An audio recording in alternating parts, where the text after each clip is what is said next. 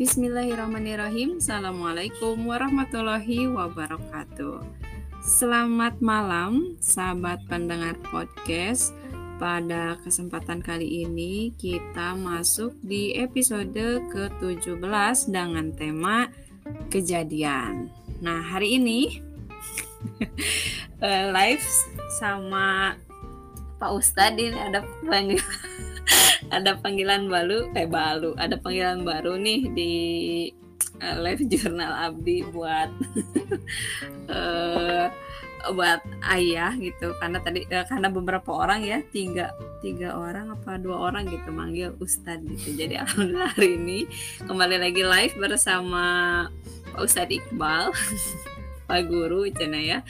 Dan semoga tidak bosan dengan kehadiran kami berdua gitu karena hmm, saya udah buntu untuk monolog nah otomatis butuh teman nih. Kemudian yang uh, waktu itu uh, jan bukan janji yang waktu itu pengen collab mintanya di akhir-akhir pertemuan gitu di akhir-akhir bulan. Karena mungkin lagi sibuk juga gitu ya dengan dibagi rapot dan lain sebagainya. Sampai akhirnya yaudah yuk uh, ya ikutan lagi. Ya bukan ikut lain yuk kita collab lagi. Mudah-mudahan jadi apa we time, we time kali ya? Jadi we time gak sih? Jangan kepaksa gitu. Gitu. Nah uh, tema kali ini tadi ya tentang kejadian. Kira-kira apa sih uh, yang disebut dengan kejadian itu? Pak ayo pak.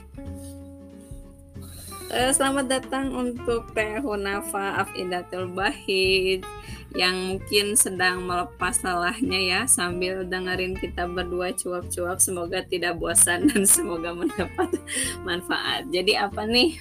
Pak Iqbal, Ustadz Iqbal? Kejadian itu apa sih sebetulnya? Menurut versi? versi kejadian. Sesuatu yang terjadi. Udah gitu tapi biasanya memorable Setuju nggak? Belum tentu. Oh, ya, sesuatu yang terjadi pasti namanya kejadian. Oh iya. Jadi apa nih yang mau kita angkat hari ini? Bukan. nah, uh, mungkin karena ini diangkat tema, kemudian kita obrolkan, berarti kita akan mengangkat kejadian-kejadian yang memorable ya, ya boleh boleh. setuju ya. Uh, jadi kejadian yang kejadian pasti udah terjadi dong ya. Ya, ya mungkin kita create untuk uh, terjadi di kemudian hari. Nah kalau kan nggak boleh ya bilang seandainya gitu ya. Setan nah seandainya itu dari setan. Tapi suka ada pertanyaan gini kalau misalnya balik lagi kan kalau teh sama dengan seandainya kan ya. ya. Nah, kalau misalnya kembali ke beberapa tahun ke belakang, nah itu kan tidak boleh.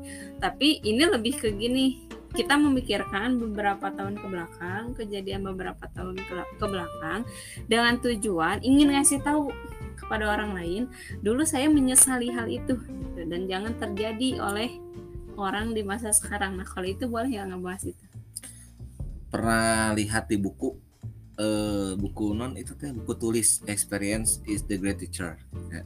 jadi pengalaman itu adalah guru terbaik hmm. gitunya katanya kalau kejadian hmm. uh, yang tadi ya yang dimaksud sesuatu yang terjadi terus dia uh, bisa dikatakan menyesali apa yang telah dia lalui ya yang telah dia lalui yang pada akhirnya dia seperti menyelami waktu-waktu eh, apa masa lampau gitu ya. Yang pada akhirnya berpikir gitu kan ya. berpikir bagaimana eh, apa yang apa yang telah terjadi pada akhirnya dia menyesali. Nah, Ari menurut itu mah eh, lauk yang dimaksud tuh bukan seperti itu. Jadi ya. eh, apa ya istilahnya lauk teh istilahnya kalau contohnya contohnya gitu ini mah tadi kan pertanyaannya mm -hmm. ketika menyesali kan jadi jadi jadi sebuah pengalaman sebuah jadi sebuah pelajaran kalau seperti itu kan jadi masalah atau tong jangan jauh-jauh atau Al-Qur'an saja sudah menjelaskan hampir hmm, 60 iya. sampai 70% kejadian-kejadian lampau yang mana kata Allah kita ambil ibrah di dalam. Berarti boleh ya. ya Tapi boleh. kalau misalnya pertanyaannya kan tadi kalau misalnya kembali ke lima tahun ke belakang Nah kan itu pertanyaannya kalau gitu depannya. Apa yang ingin kamu perbaiki? Nah, itu boleh, kalau- kan eh, ingin memperbaiki sesuatu. Tapi kan Kelanya bisa. aduh kata, eh, lao yang dimaksud teh lao yang naonnya mun kalau eh, Mun ngadengikeun kamari teh, moal kitu. Nah itu bisa gimana? saja sih. Itu Tapi yang ta- maksudnya eh kejadian yang telah lampau boleh dijadikan pelajaran. Boleh itu mah ya. Eh, Hmm, memang harus eh, menjadi pelajaran. Cuman jangan sampai eh, menyesalinya luar biasa lah istilahnya terus ya. Nah, kalau eh, kemarin aku kirim kalau ah itu mah tuh lau yang terus menerus mah tidak boleh sih sebenarnya. Tapi kalau lau untuk kita Memperbaiki di- evaluasi ya, evaluasi jadi muhasabah masalah. boleh. Iya, Berarti boleh ya mau mengajukan itu soalnya pertanyaan itu. boleh. Kalau ditarik ke belakang, kejadian apa yang eh, istilahnya atau kalau kata Cing Abdel nih ya, kita itu hanya bisa mengingat memori saat TK dan itu pun tidak semua. Eh, daih mah nggak TK Belum ya. tentu malah, malah lupa malah lupa TK ya Jadi TK maksudnya gini, setiap orang ditanya tentang masa lalunya, pasti batas akhir mengingatnya itu usia TK. Dan itu pun dia hanya mengingat beberapa kejadian. Pasti, gitu. SD sih ada ya mah SD ada masih SD. memori masih ada. Ya ini mah paling jauh teh cenah TK, Paling jauh tapi TK ayah mah kan enggak TK. SD kelas 1 sih ingat. Masa-masa kelas 1 ya ingat lagi belajar sama guru Apa tuh yang paling diingat? seperti nulis nulis memori wajah gurunya pun masih teringat sampai sekarang persis gitu ya. ya oh, duduk di depan nulis ingat nulis angka nulis huruf pasti ingat. Tapi nggak nggak selalu nggak seluruhnya diingat. Beberapa penggalan penggalan sih di, masih ingat. Kalau yang memorable-nya apa? Selama SD? memorable mungkin masa-masa bermain sih masa-masa bermain Main Eh, apa yang paling menyenangkan? istilahnya eh, banyak permainan-permainan fisik yang terjadi ya sama lah seangkatan kita Mm. itu sih yang memorable ya pasti permainan-permainan yang tradisional zaman itu Tapi kan. kalau misalnya gimana? istilahnya kata katanya angkatan 80 angkatan 90 adalah angkatan terbaik di zaman tapi sampai sekarang katanya itu menjadi angkatan terbaik katanya Tapi kalau misalnya nih ingat-ingat kejadian bukan dia permainan ya, permainan masa lampau. Apa yang menurut ayah harus tetap ada sampai zaman sekarang da- karena memang si permainan itu teh mengandung banyak banget eh misalnya manfaat yang buat banyaknya permainan banyak cuman yang yang- ayah sukai nih permainan ayah Oh. sukai kemudian harus ada harus dirasakan juga oleh Kucing anak-anak sumput. dia. ya maksudnya seperti kucing sumput kita istilahnya ya. kenapa Terus harus ada. Kan itu mah kucing Eh, sumput masih pada main masih pada main ya. sekarang. Bancakan dulu mah Istilah bancakan teh yang apa Yang nyusun, gitu kan dijaga dilempar terus naonnya gimana coba sana? Ada Apalagi ya? ada bancakan ada boy-boyan sama hampir sama hampir Oh, sama. jadi hampir sama bancakan kayak gitu. Eh, terus ya, kan ada yang gini. Eh ada yang apa? Eh nggak tuh nih yang mana nih? Pokoknya dialungin tuh eh dialungin ya dilempar lah si bola kasti atau bola apa pun itu dilempar ke si apa genteng yang ya itu susun kan. nah gitu. ada yang ada yang gini ada yang ngejaganya. Tehnya ada yang nyusun teman-temannya sembunyi Ya. ada juga yang lari-lari. Ya hampir sama sih pola permainannya seperti itu itu. Soalnya kalau di waktu zaman dulu mah bancakan mah yang nyumput boy-boyan mah yang lari-lari gitu. Ya kombinasikan. Sama sih. Tapi yang jadi jadi poin pentingnya tadi kaitan sama fisik. Kan kita sebenarnya pada saat main adalah nyanyi kan sering nyanyi. Hmm, kebersamaan sama teman gitu ya. Jadi sosialisasi kita kuat gitu ya. Jadi eh, apa sih sebutannya? Eh, fisik eh, apa? Motorik. Motorik. Kasar halus itu. Halus ada kasar ya ada. itulah istilahnya. Akhirnya memang eh, pa- pernah eh, pas pas ngajar kan ada di materi eh, permainan tradisional. Nah anak-anak pun sebenarnya excited gitu ya pada saat nyoba kita gitu. kita eh, Tongboro nyoba dengar ceritanya juga mereka langsung eh kok seru gitu. ya? eh, seru ya? Seru ya? Gitu apa ya tuh yang mana ya kayak kayak kayak egrang kan mana Oh, tradisional eh, ya gerah. egrang kan memang dari pengalaman gitu ya egrang. Pokoknya eh, permainan tradisional yang eh, zaman-zaman dulu. Ya masih banyak pohon-pohon. Ah, ya kan gitu lah. ya bambu. Mereka excited sih sebenarnya. Jadi memang warisan itu harus tetap dijaga. Yang mana tergerus zaman sih sekarang mah teknologi. Tapi kemarin tuh jadi inget ini tadi ya tentang permainan yang nyanyi-nyanyi itu. Inget di awalnya dari apa sih itu teh TikTok Islami gitu nggak tahu apa tapi eh, di follownya di Instagram cina gini tahun berapa kamu tak tahu Hompimpa Alayum Gambreng itu artinya adalah menyerahkan semuanya kepada Allah dan mari kita bermain cina gitu baru tahu nah gitu terus akhirnya makna ya ya dulu. Hompim Palim Gambreng itu bahasa Sanskerta. Oh. Akhirnya penasaran. Benar ya. Di Google, eh, itu teh memang di pertama teh di ininya sama Kompas di berita itu teh. Akhirnya dicari Hompim Palim Alayum Gambreng itu adalah bahasa Sanskerta yang artinya lah kurang lebih ya. Nggak tahu arti sebenarnya mah maksudnya teksnya kayak gimana cuman kurang lebih eh, kembalikan semuanya kepada Allah gitu. Malah maka mari kita bermain gitu. Jadi eh, kan ada yang bilang no sih om pimpa alim gambar itu. Ada yang bilang kan mantra mantra doang gitu kan. Tapi padahal ya itu syarat makna. Jadi sama si artikelnya juga diartiin gitu. Jadi intinya permainan tersebut punya turun temurun sih jadi Mm. ah, ah, Ya, tidak nggak tahu tahu ya kan yang awalnya Hmm. dari mana yang tidak tahu ya turun temurun tapi aja. memang benar kan tadi Om Pimpa Alim Gambreng kan artinya kembalikan semuanya kepada Allah gitu. Nah pas kita kan Om Pimpa itu tangannya dibulak balik Balik, gitu kan, ya. bolak itu kan menyerahkan yang penting ikhtiar dulu dan menyerahkan semuanya pada Allah misalnya. Kalau Om Pimpa Alim Gambreng kita membentuk kelompok ya kita Iya. serahkan aja sama Allah sehingga kita kelompoknya mana gitu dan udah selesai ya ayo kita bermain gitu. Jadi ternyata gitu ya kalau misalnya diingat-ingat dari yang Om Pimpa Alim Gambreng itu dalam permainan saja kita tuh sebetulnya dilatih untuk berpasrah kepada Allah Hmm. gitu tapi banyak juga sih permainan zaman dahulu yang malah menyekutukan Allah secara tidak sengaja Hmm.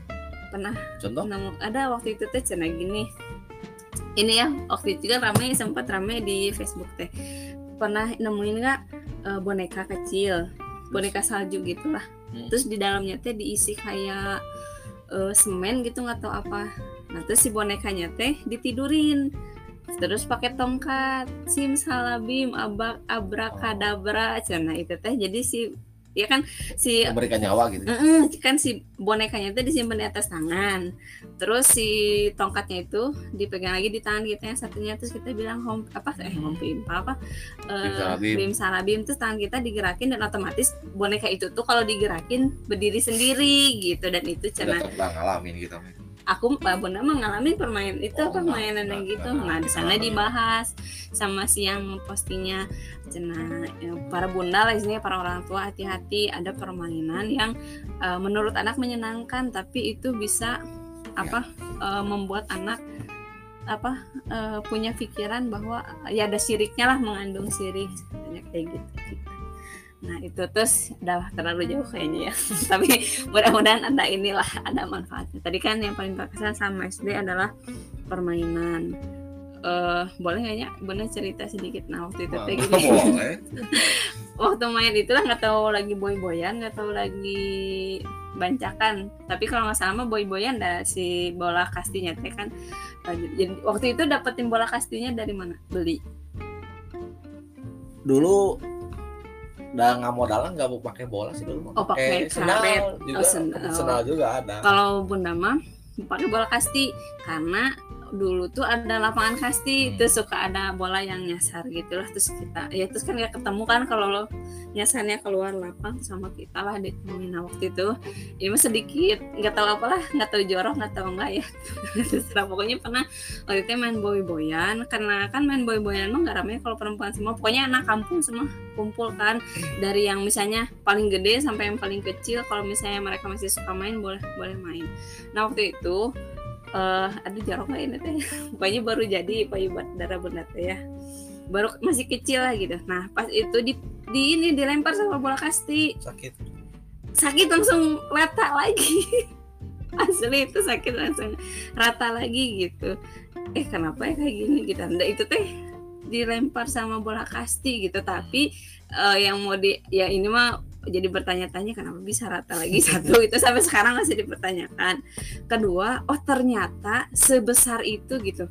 Anak-anak ya kita gitu waktu zaman dulu ketika bermain mengeluarkan energi sebesar itu gitu. Saking semangatnya saking senangnya eh, dan lain-lain gitu. Jadi keluar keringat pun ya nggak apa-apa terasa. gitu nggak kerasa seru-seru makanya sehat eh, anak-anak Mm-mm. zaman kita Benar. termasuk anak yang sehat ya anak yang aktif karena Mm. tersalurkan gitu nggak nggak gampang tantrum karena iya emosinya juga tersalurkan. tersalurkan beda sama anak-anak kalau di zaman kita eh, perma- eh, permainan jelas mainan juga banyak mainan jajanan Mm-mm. makanya kalau ayah sering lagi ini lagi nyantai gitu ya lagi buka-buka YouTube gitu sering memori-memori Iya, ang- 90-an, eh, itu 80-an, kayak suka gak kerasa ya ya sedihnya ada gitu ya. Aduh inget baheula gitu jajan ini jajan ini.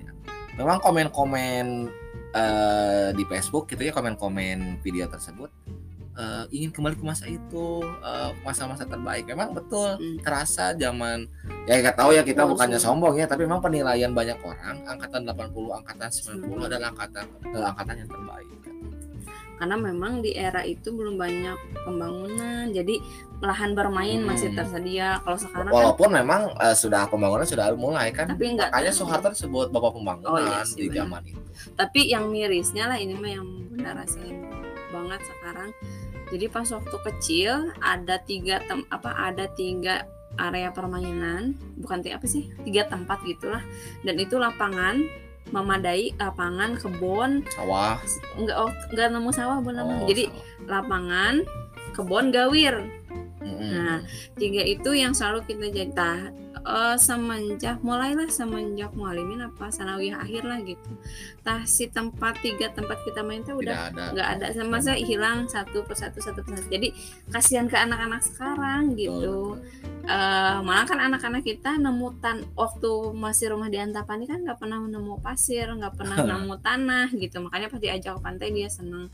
Pas nemu tanah dia main tanah. Nah sekarang pas pindah ke sini asa unggal poe gitu. Nyawa tanah teh. Tapi dibiarkan. Dibiarkan. ya satu satu sisi sih kesel juga. Kenapa sih mending harus main tanah aja? Tapi sisi lain dah ingat gitu dulu ge Hmm, bunda resep gitu main tanah gitu. Betul betul. Udah gitu doang. Udah. Nah itu yang memorable waktu SD terus sanawiyah atau mualimin pernah pesantren mas? Pesantren. Nah tapi eh, kalau di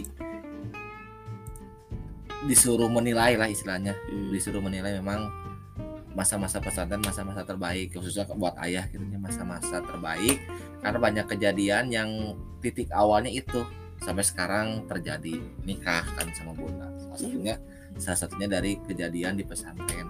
Hmm. makanya kalau eh, lagi dia lagi ngelamun memang sering memori-memori pesantren sering muncul gitu. Karena memang ya berkesannya sih bukan di sanawiyah sanawiyah mungkin masa-masa uh, Iya, adaptasi. memang untuk yang lebih kuatnya pada saat masa-masa di mualimin karena memang pada saat itu sudah mulai bukan mulai dewasa ya masa remaja akhir mungkin ya. Maksudnya kita udah udah tahu apa kesenangan kita, kita pengen terlibat di mana, Jadi kalau dicampur pertemanan, persahabatan, percintaan gitu ya memang eh, di masa itu ya, Persaingan. persaingan, persaingan. pertentangan. Jadi memang sangat-sangat berkesan. Tapi ngerasain nggak ada perubahan besar gitu dalam diri semasa-masa sekolah, misalnya eh, SD, pesantren, kemudian kuliah ada nggak perubahan besar yang dirasakan gitu? Saya dulu tuh saya mah orangnya gini, tapi pas s- pas usia segini perubahan saya besar dan saya nggak gitu lagi gitu. Ada nggak? Apanya? Eh perubahan besar. Ari, Dra- bukan besar, Ari nggak yang sih drastis. termasuk yang enggak sih gak sampai drastis sih. Jadi pas mereka lihat ayah pasti tahu gitu ya latar belakangnya seperti apa. Eh, mungkin terlihat banyak yang menilai sih masa-masa pesantren kan pas masa SD mana masa-masa kanak-kanak mah tidak terlalu terlihat lah ya.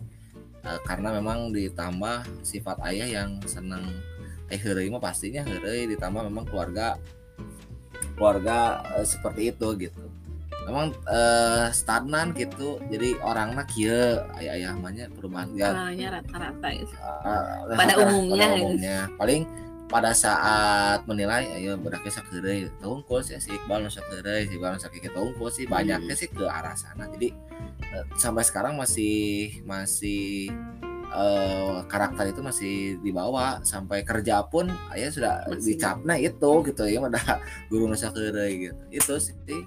Walaupun itu terbentuknya ya alami gitu. Nah, kayak bunda nih waktu zaman sanawiyah itu zaman jadi pokoknya sampai kelas berapa? Satu lah sampai kelas satu mau alimin itu bunda tuh sering dibully. Hmm. sering dibully kemudian tidak tidak bisa bebas memilih kegiatan karena terikat juga sama seseorang teman gitu.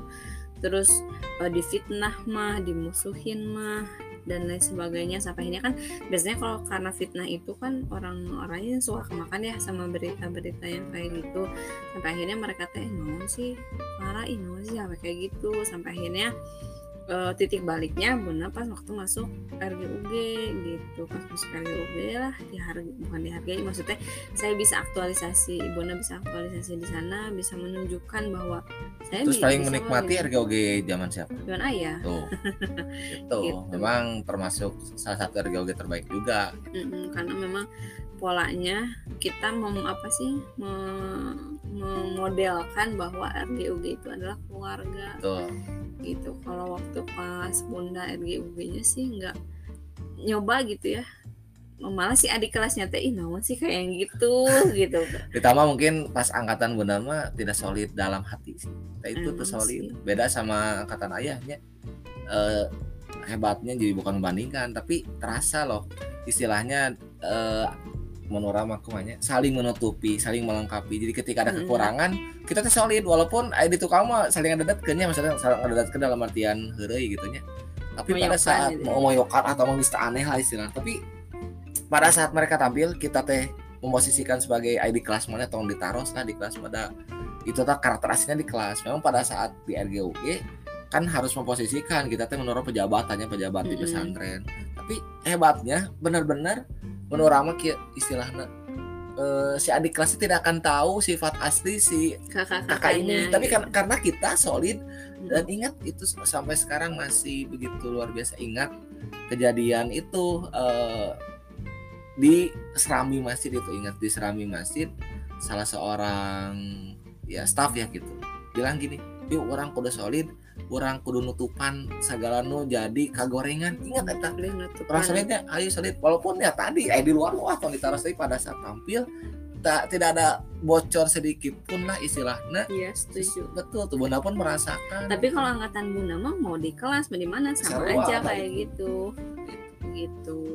Ya itulah memang saat paling berkesan sih gitu. Karena memang bisa aktualisasi. Kamu bertemu dengan ayah. Iya sih. zaman RGUG ya tapi belum ada yang gimana gimana gitu. Ya biasa lah gitu ya apa eh, standar di itu setelah terkekang dari pertama masuk pesantren sampai kelas 1 lah semester semester awal itu terkekang sama seseorang teman eh, susah ngapa-ngapain lah gitu nggak bisa milih kegiatan. Sampai akhirnya mulai tuh kelas 3 sanawiyah sama kelas 1 malimin semester 1 tuh mulai eh, udah biarin aja bodo amat mau ngambeknya mau apa gitu. Mulai kayak gitu tapi memang ada ujiannya juga pas ketika oh, ngebodo amatin si teman yang ini yaitu dianya bikin fitnah sana kemari gitu bicaranya ke mana aja gitu sampai akhirnya eh, ya udahlah pasrah lah gitu cuman kalau misalnya diingat-ingat gitu bunda dari SD sanawiyah mualimin itu selalu punya story dimusuhin hampir sama satu kelas gitu Ada sesuatu. iya ada sesuatu nggak dalam diri bunda gitu. Hmm. Ada apa ada apa cuman kalau yang terungkap mah yang waktu pesantren itu te- eh, terungkapnya sih ke akhir naken gitu. Eh, walaupun orang yang melakukannya orang yang berbeda tapi alasannya sama. Hmm. itu Eh, istilahnya keberadaan bunda teh cina ancaman buat mereka mah. Kalau sekarang? Nggak tahu. Ya biasa aja bunda mah sekarang gitu ya. Merasa eh, ya kalau misalnya buat ya maksudnya kenapa sih harus merasa terancam dengan seseorang gitu toh? Ya kalau misalnya mau berkompetisi kompetisi aja sesehat mungkin. Kalau kamu bisanya begitu ya tampilkan aja semaksimal mungkin gitu. Kalau dulu masih mungkin karena egonya masih besar gitu. Terus kalah pamor yang gitu-gitu. Alasannya karena yang gitu-gitu kalah pamor. Atau pesantren mah. Tapi oh, mualimin juga sempat ngera eh mualimin sana apa kuliah juga sempat ngerasain gitu. Tapi itu mah tidak terpecahkan gitu. Toh yang musuhinnya juga baikan lain apa jol ngawau handai gitu nggak tahu apa gitu. Itu mah eh, alasannya gitu. Jadi kalau setiap fase lah isinya setiap apa gitu teh. Tingkatan. Setiap tingkatan itu pasti ngerasain permusuhan dengan eh, alasan yang sama gitu. Nggak tahu James teh? Luar biasa ya. apa? Eh, ngerasa takut tersaingi yang nggak tahu kenapa. Termasuk ayah pun yang menjauhi bunda gitu. Itu, coba kenapa dulu ngejauhin? Apakah takut disaingi? Mesti ada ada nggak kaitannya dengan nggak nggak ada. Ya yang orangnya lempeng tidak ada kaitan naon gitu. Itu hanya ingin menjauh. Hanya ingin menjauh karena bosan. Bo, bisa bisa kan padahal kenalnya juga baru sebentar kenapa harus bosan ya nggak tahu nah oke udah itu dari bunda tentang kejadian-kejadian. Kalau dari ayah apalagi apa ya? Ya mungkin eh, dari setiap kejadian pasti ada hikmah lah gitu istilahnya seperti Hmm. itu ya. Pasti ada hikmah yang terjadi. Tadi ayah bilang eh, kejadian yang terjadi malah jadi titik awal sesuatu perubahan atau sesuatu yang terjadi di kemudian hari. Eh, makanya setiap kejadian harusnya dijadikan pelajaran dan harus disyukuri. Eh, di masa-masa mualimin merupakan titik awal kan. Gak tahu tak kalau kalau kejadian-kejadian tidak terjadi saat itu mungkin cek ayah gaya mau berjodoh lah jeung bunda tak gitu. Jadi memang kejadian-kejadian yang terjadi mau itu jelek mau itu bagus tetap harus syukuri dan harus jadi pelajaran bagi kita. Apakah kita bisa melangkah ke depannya seperti apa atau eh, sebaliknya apakah bagi terpuruk? Nah memang kejadian-kejadian yang terjadi itu sebisa mungkin tadi sebenarnya. Jangan sampai ada istilah kalaulah lima tahun sebenarnya gitunya hindari sebenarnya hal demikian berarti dia belum bisa eh, move on dari sesuatu yang tak terjadi padahal itu sudah kodarullahnya demikian. Hmm. jadi boleh jadikan pelajaran tapi jangan eh, istilahnya aduh kalau lah jangan selalu disesali gitu ya. selalu sesali jadi karena ada takdir Ah, Allah yang betul. kan eh, kan kita harus mengimani dia kon- eh, takdir yang baik atau yang buruk jadi boleh di bu- bukan boleh disesali tapi jadikan pelajaran. Tapi bukan disesali tapi nah, kebanyakan eh, orang-orang mengatakan lima tahun yang lalu teh akunnya harus seperti itu teh sebenarnya kurang tepat. Tapi lima tahun kemarin aku teh seperti itu. Berarti eh, sekarang harus lebih Nah itu. Jadi bukan kayak kalau tak jadi lau oh, jadi ingat lau yang tidak boleh itu tak- kayak gitu. Kalaulah lim, pas uh, lima tahun kemarin aku teh gitu pasti nggak akan gini. Nah itu lau yang tidak boleh. Tapi gini ketika lima tahun yang lalu aku seperti itu berarti di tahun Hmm. atau sekarang aku harus seperti ini. Tak itu mah boleh. Tapi tadi lima tahun nah ya pun tapi eh istilahnya eh menyelami masa lalu itu ada ada ada benarnya. Ada baiknya. Eh, iya maksudnya ada baiknya. Itu pun jadi teringat ya masa-masa walimin tah itu titik balik juga titik balik eh, men- orang mah menikung teh ya ayah teh di sana menikung menjadi curhat ke bundanya. Maksudnya memang di ayah di bukan di persimpangan jalan. Jadi geus terpepet ya geus terpepet. Mun urang mah bunda geus pibeunangan ku batur ya nya.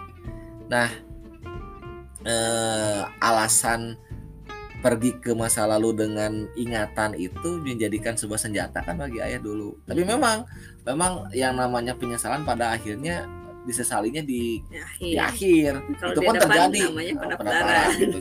itu pun terjadi pada saat titik awal ayah bisa jadi jemunda lah istilahnya sampai sekarang nikah. Itu karena berpikir eh, banyak kejadian-kejadian terjadi tapi kejadian-kejadian yang jelek gitu nya. Aduh jelek khususnya ke diri bunda gitu pada akhirnya eh, menurut seperti menyelami uh, ruang waktu gitu ya mesin waktu berpikir kan akhirnya pada saat itu ada motivasi. Aku teh harus merubah sesuatu kan gitu. Sesuatu. Perbaiki. jadi bukan bukan mengatakan oh dua tahun kemari uh, kuduna abi teh nyakiti enggak tapi aku harus memperbaiki masa depan dengan menyelami masa lalu. Ay, jadi ingat film tadi uh, menyelami masa lalu untuk memperbaiki masa depan. Betul dalam itu apa sih proposal? Ya itu paham Jepang sampai sekarang masih menginspirasi. Uh, tapi uh, agak ya gitulah istilahnya agak kurang banyak banyak pertentangan sih dia selalu menyesali sesuatu. Tapi uh, ayah tadi bilang istilahnya pada saat menyelami masa lalu dengan ingatan ada baiknya juga karena tujuannya ingin memperbaiki masa, masa depan. depan. Ya titik uh, titik di sana lah. Akhirnya menurut malah ayahnya nyalip gitu nyalip. Jadi setiap kejadian harus kita syukuri mau itu baik mau itu buruk. Pasti Allah punya skenario yang terbaik. Nah itu sih. Harus bermain maksudnya dengan kejadian di masa lalu kita juga harus ingat dengan kodarullah harus kodarullahnya Allah gitu. Nah tentang takdir ya. Kan ada takdir baik ada takdir buruk. Terus kan ada kodo ada kodar berarti kalau takdir apa? Kodar eh kodo kodo ya. Kalau takdir itu kodo ya. Uh, waduh nah kan ada yang bilang takdir itu bisa diubah. Nah itu gimana menurut saya benar nggak? Maksudnya dari hadisnya sendiri hmm, itu benar nggak? Takdir itu bisa selalu jadi apa istilahnya selalu jadi, jadi bahan diskusi, oh, diskusi. jangan sampai kan eh istilah nanti nu uh, mengikuti takdir teh golongan sih? Jabariyah Qadariyah Qadariyah mana uh, Ari ayam menyakini nak menyakini nak pernah itu tuh pun pernah ditanyakan sih ayahku ke bapak pernah dulu ya. pak ya ke bapak pernah ke lagi pengajian pengajian apa sih? Pengajian malam minggu dulu pak pernah ya, rutin ya sebenarnya oh ayah nanya gitu pak. Lamun orang katanya lamun orang ditentukan ke surga gitunya kenapa tuh orang ibadah kan itu kayak tanya hmm. takdir coba sih mau jawaban emang apa orang ke surga? Jawabannya gitu. Tapi uh, bener juga pernah debat itu hampir berjam-jam lah sama teman waktu KKN sampai akhirnya memang dibuat berpikir gitu. Uh, dia orang tafsir hadis. Terus bilang gitu uh, apa sih? Eh bunda jawabannya kayak gitulah gitu. Terus kata dia tuh gini kan ada hadisnya setiap umat muslim itu yang percaya kepada Allah sampai akhir hayatnya dia masuk surga.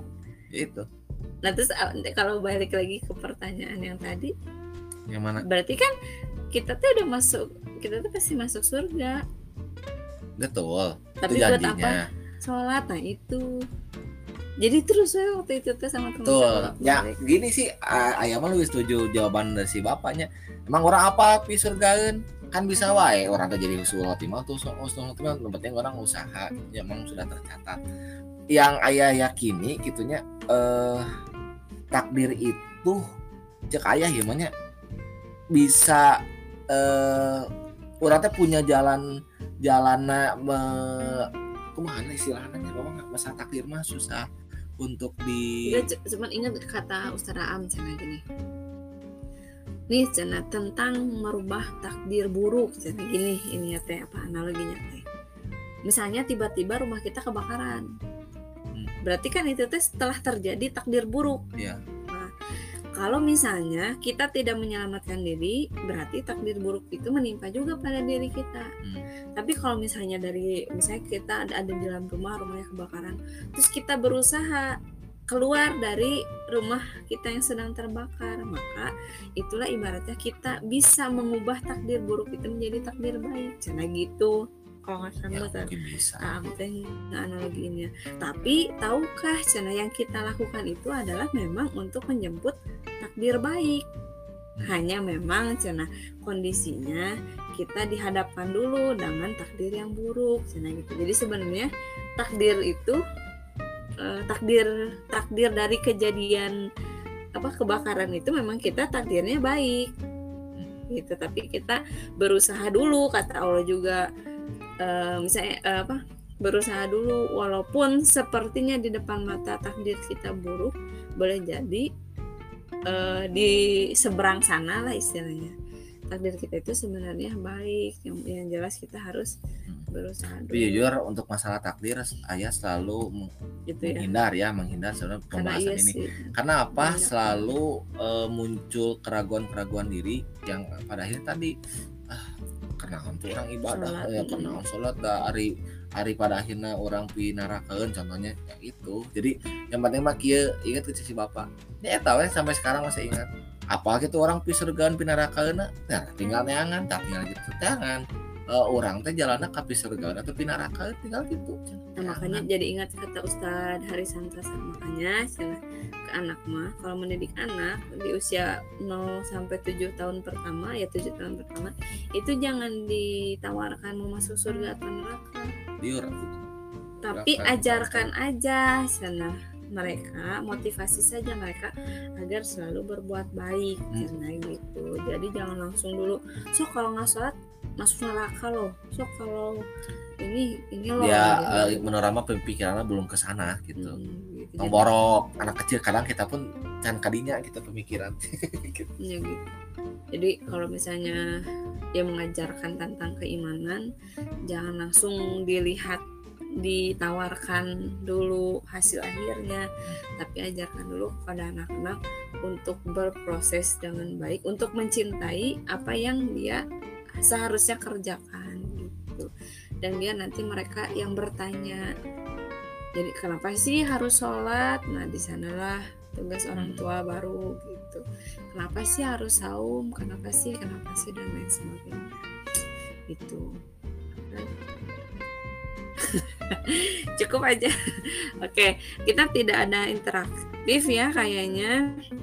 Eh, karena ini udah lobet dua-duanya juga tapi masih harus berusaha masalah saya pribadi masih berusaha ingin memenuhi challenge 30 hari bersuara Semoga di episode ke-17 ini tentang kejadian yang tadi kami obrolkan bareng-bareng ada manfaatnya ya.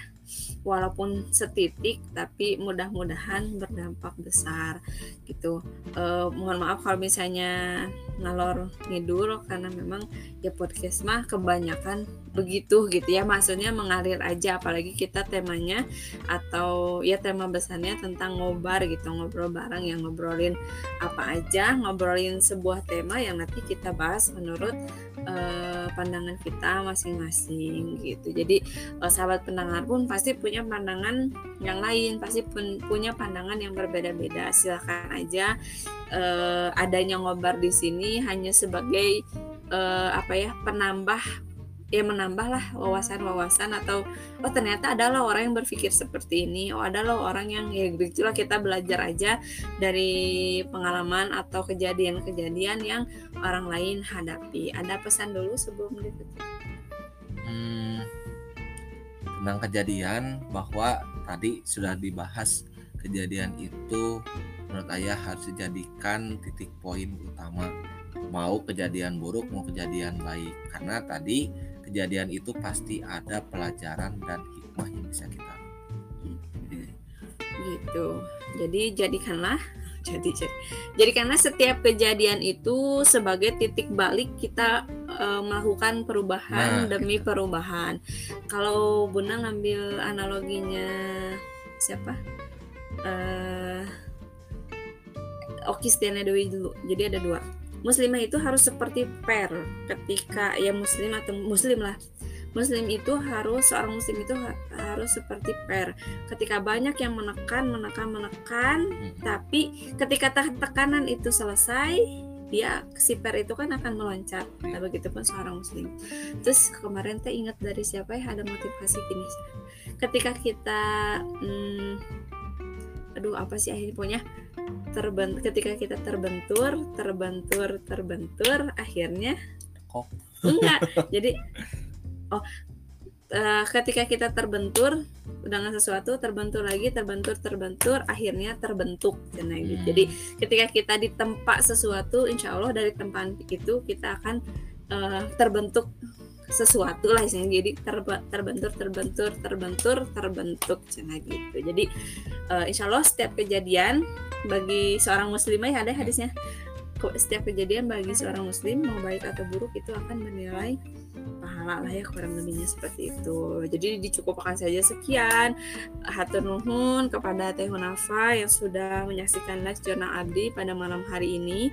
Uh, live yang apa terlalu malam eh enggak ter, enggak semalam yang waktu itu ya Teh Hunafa nggak waktu nggak semalam waktu itu kita collab ya tapi ini terhitungnya malam karena di tengah aktivitas kita hari ini yang cukup padat uh, sekali lagi jazakumullah kasiron untuk Teh Hunafa. Semoga ada guna dan manfaatnya untuk sahabat pendengar yang mendengar nanti yang mendengarkan uh, rekamannya. Ditutup saja dengan hamdalah alhamdulillahirobbilalamin.